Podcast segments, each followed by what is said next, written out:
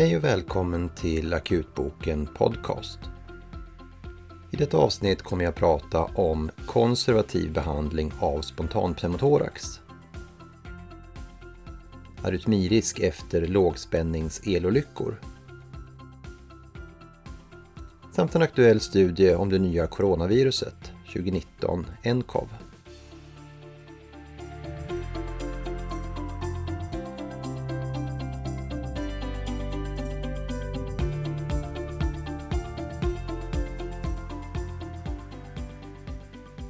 Spontanpneumotorax hos lungfriska patienter ser vi ganska ofta. Men vi har här inte speciellt bra evidens för hur dessa patienter bör handläggas och om du behöver någon behandling med pleuradränage för att dränera luften.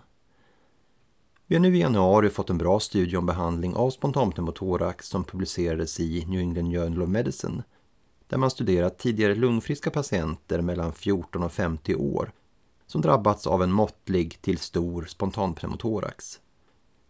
I studien randomiserades 316 patienter till antingen konservativ behandling eller direkt intervention med dränage, där det primära utfallet var utläkning av pneumotoraxen vid åtta veckor. Den konservativa behandlingen utgjordes av att patienten observerades fyra timmar på akutmottagningen efter diagnosen och genomgick därefter en ny lungröntgen.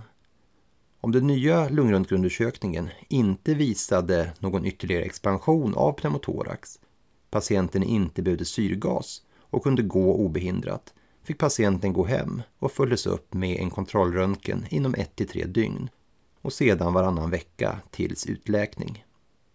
I den konservativa gruppen fick patienten bara drän om pneumotoraxen expanderade vid kontrollröntgen, utläkning inte skedde eller om patienten försämrades på annat sätt. I interventionsgruppen lades ett smalt drän, mindre än 12 French, direkt vid diagnosen och dränet kopplades till ett vattenlås utan sug i en timme. En ny lungröntgen gjordes därefter och om lungan expanderat så stängdes dränet och ytterligare en kontrollröntgen gjordes efter fyra timmar. Om lungan då fortsatt var expanderad drogs dränet bort och patienten fick gå hem med planerad uppföljning. Endast om lungan inte hade expanderat lades patienten in på sjukhus för fortsatt dränbehandling med eller utan sug. Resultaten från studien visade att i den konservativa gruppen hade 95 procent fått full utläkning av pneumotorax vid åtta veckor jämfört med 98 procent i interventionsgruppen. Och bland de patienter som man hade fullständiga uppföljningsdata för så var konservativ behandling statistiskt inte sämre än direkt intervention med dränbehandling. Nu lyckades man inte följa upp alla patienterna under hela studietiden varför det statistiska resultatet från studien blir något mer osäkert. Men resultaten är tydliga att konservativ behandling ger en hög andel utläkning utan intervention. I den konservativa gruppen behövde 85 procent av patienterna inget pleuradränage utan pneumotoraxen läkte ut helt av sig själv. Risken för allvarliga eller potentiellt allvarliga komplikationer var betydligt högre i interventionsgruppen 12 procent jämfört med 4 procent i den konservativa gruppen. Majoriteten av komplikationerna uppkom i samband med dräninläggning eller komplikationer av dränet efter att det hade lagts in.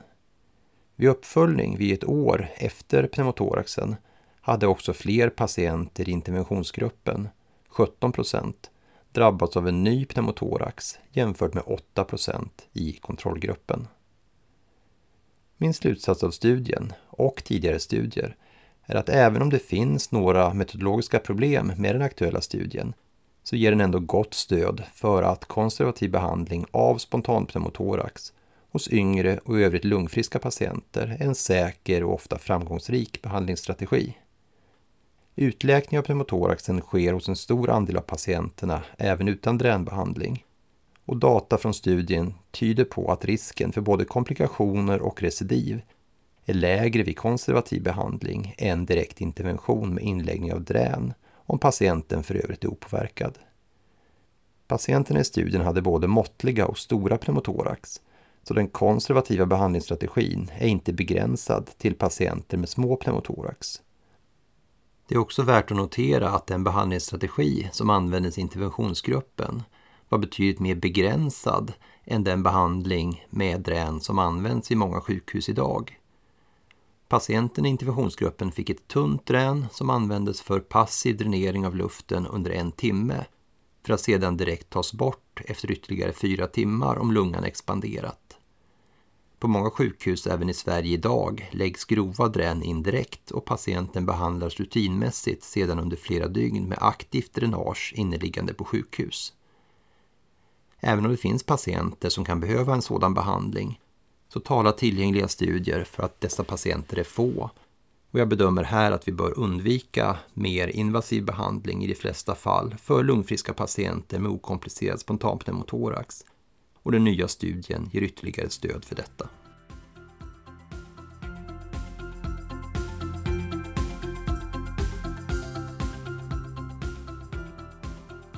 Elolyckor av lågspänning, det vill säga mindre än 1000 volt, är relativt vanliga och det är även vanligt att patienter som varit med om detta söker akut.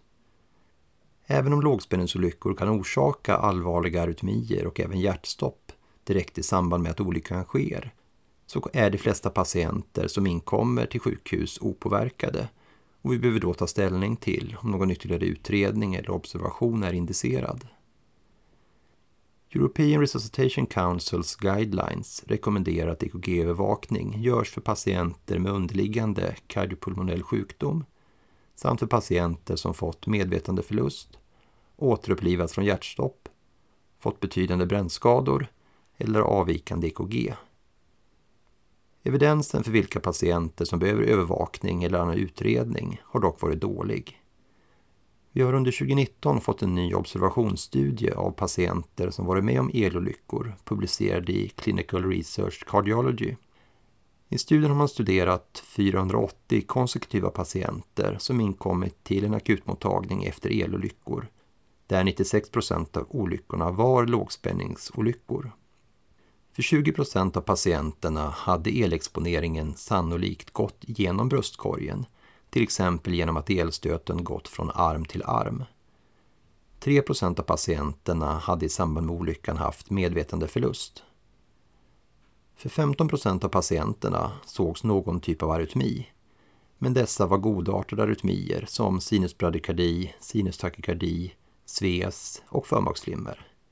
Det var endast en patient i studiepopulationen som hade allvarlig ventrikulär arytmi och det var en patient som direkt vid olyckan drabbats av ventrikelflimmer och som återupplivats på platsen innan inkomst till sjukhus. Troponin kontrollerades på patienterna och majoriteten hade icke detekterbara nivåer men sex patienter hade lätt stegrade värden och en patient hade kraftigt stegrat värde. Patienterna med lätt stegrade värden hade dock inga EKG-avvikelser och den patient med mer uttalad stegring av troponin var den patient som drabbats av hjärtstopp på platsen för olyckan. Vid uppföljning av samtliga 480 patienter var det inga dödsfall inom 30 dagar eller några behandlingskrävande arytmier. Min slutsats av studien och tidigare observationsstudier är att den ger ytterligare stöd för att patienter som kommer in till akutmottagning efter lågspänningsolyckor och inte har några behandlingskrävande brännskador eller tecken till allvarlig arytmi inte behöver genomgå någon ytterligare utredning eller observeras. Om någon allvarlig arytmi inträffar så sker den direkt på platsen för olyckan och det finns inget som talar för att opåverkade patienter senare skulle drabbas av några arytmier till följd av elolyckan. Det finns inte heller något skäl att kontrollera troponin eller andra prover på dessa patienter då varken den aktuella studien eller andra studier talar för att provsvaren tillför något för handläggningen. Sannolikt gäller samma resonemang även för högspänningsolyckor, det vill säga skador orsakade av över 1000 volt.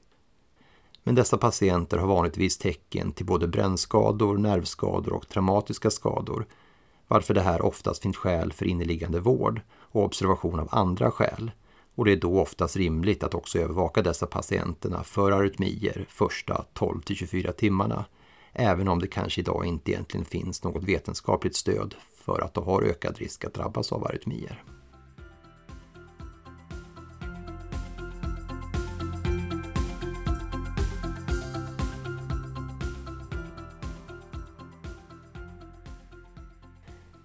Luftvägsinfektioner orsakade av coronavirus är vanliga och flera studier talar för att coronavirus orsakar över 20 procent av samhällsförvärvade luftvägsinfektioner hos vuxna under vissa perioder.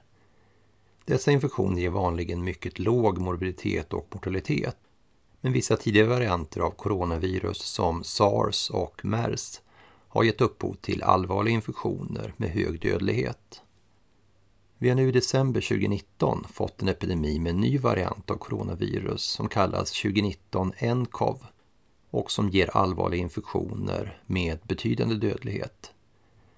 Tidigare denna vecka publicerades en deskriptiv studie av 99 verifierade fall av det nya coronaviruset i The Lancet. Patienterna i studien diagnostiserades med 2019 nCoV under perioden 1 januari till 20 januari 2020 och vårdades på ett sjukhus i staden Wuhan som ligger i den kinesiska provinsen Hubei. Patienterna med infektionen hade initialt vanliga symptom på luftvägsinfektion med feber, hosta och andningsbesvär. Patienterna försämrade sedan dock och utvecklade tecken till eh, pneumoni och majoriteten, 75% hade bilaterala lunginfiltrat på lungröntgen eller DT. En stor andel, 75 procent av patienterna, hade behov av syrgasbehandling och 17 procent av patienterna bedömdes uppfylla kriterier för ARDS. I gruppen dog 11 procent av patienterna, men flera av patienterna i studien vårdades fortsatt på sjukhus i slutet av studietiden, varför dödligheten i gruppen kan vara högre. Patienterna i studien var 21 till 82 år gamla med en medelålder på 55 år. 51 procent av patienterna hade en eller flera underliggande kroniska sjukdomar som hjärt-kärlsjukdom, mag-tarmsjukdomar eller endokrina sjukdomar som till exempel diabetes. Några av patienterna som avled hade dock inga tidigare underliggande kroniska sjukdomar men var äldre än genomsnittet i studiepopulationen. Vi vet ännu nu inte i början av februari hur epidemin med 2019 nCoV kommer utvecklas. Men med den spridning som har skett hittills så kommer fler patienter drabbas än under sars och mers-epidemierna. Även om patienten i studien hade en mortalitet på 11 procent så är det en selekterad grupp av patienter som behövde sjukhusvård och mortaliteten för alla patienter som drabbas av sjukdomen är betydligt lägre.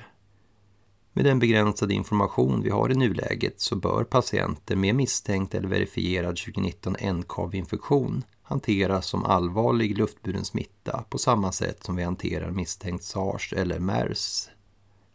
Aktuell information om vilka patienter som 2019 NKAV-infektion bör misstänkas på och hur dessa patienter hanteras finns på Folkhälsomyndighetens hemsida www.folkhalsomyndigheten.se i nuläget när denna podcast läggs ut är kriterier för att misstänka infektion med 2019 nCoV att patienter har symptom på luftvägsinfektion eller enbart feber samt att de inom 14 dagar har haft kontakt med konstaterat eller misstänkt fall av 2019 nCoV alternativt vistas i Kina i regioner där det sannolikt förekommer infektioner med viruset i samhället.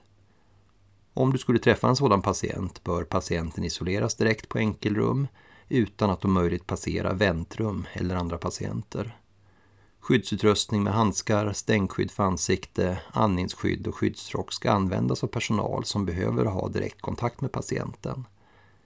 Sedan kontaktas infektionsbakjour eller smittskyddsläkare direkt för vidare råd kring akut provtagning, vidare diagnostik och handläggning. Detta var allt för avsnittet denna månad. Som vanligt hittar du länkar till artiklarna som vi gått igenom på vår hemsida www.akutboken.se